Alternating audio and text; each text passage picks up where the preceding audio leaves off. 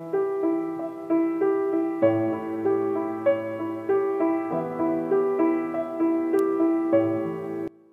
أهلا معكم وصال بودكاست حقيبة وهذه أول حلقاته.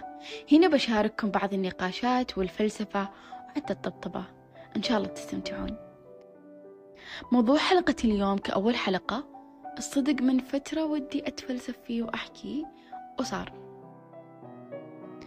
ملاحظين مع السوشيال ميديا والنجاحات اللي قاعدة تصير وحتى ردة فعل الجمهور على هذا النجاح اللي قادرين نلمسه؟ أه تخلينا نسأل أنفسنا سؤال. هل أنا ناجح أو هل أنا فاشل؟ وهذا السؤال لأنفسنا أعطاني تركيز على واحدة من الأفكار المغلوطة عند أغلبنا إذا مو عندنا كلنا.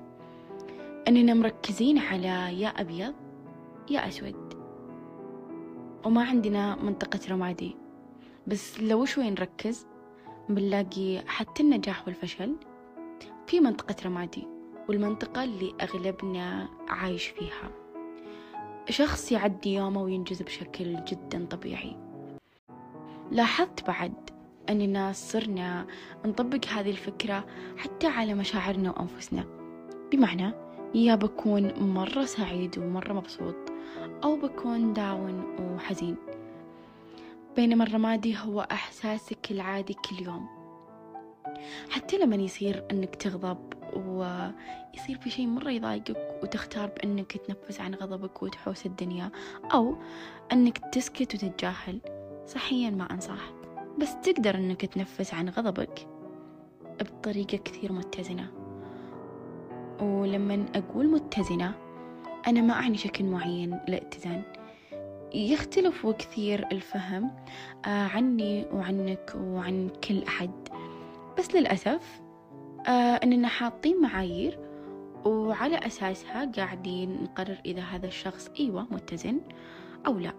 مثلا أنت مرة أحد هادي أو رزين أو تقدر تتصرف في موضوع معين بطريقة معينة أو حتى أنك تكون ثقيل. طيب ليش؟ لا تسمح لأي أحد يجي ويقرر أن أنت متزن. لا لأنك أنت الوحيد اللي تعرف متى تكون متزن وبعد لأن المعايير مختلفة. في أشخاص قادرين أنهم يضيفون الاتزان أو ممكن تكون أحد منهم. إذا كنت حاول تمارسه بشكل يومي لحد ما يصير الاتزان صفة فيك. بس أبي أأكد لك أن عادي أنك تعيش بالأبيض والأسود فترة. أهم هو أنك تعرف كيف ومتى تقدر ترجع لاتزانك وثباتك من دون ما تضغط على نفسك أبدا. وفكرة الاتزان ترى هي مجرد فكرة. يعني أفكارنا نقدر إن إحنا نخليها يا هي تسيطر علينا أو إحنا بنسيطر عليها. ولك الخيار.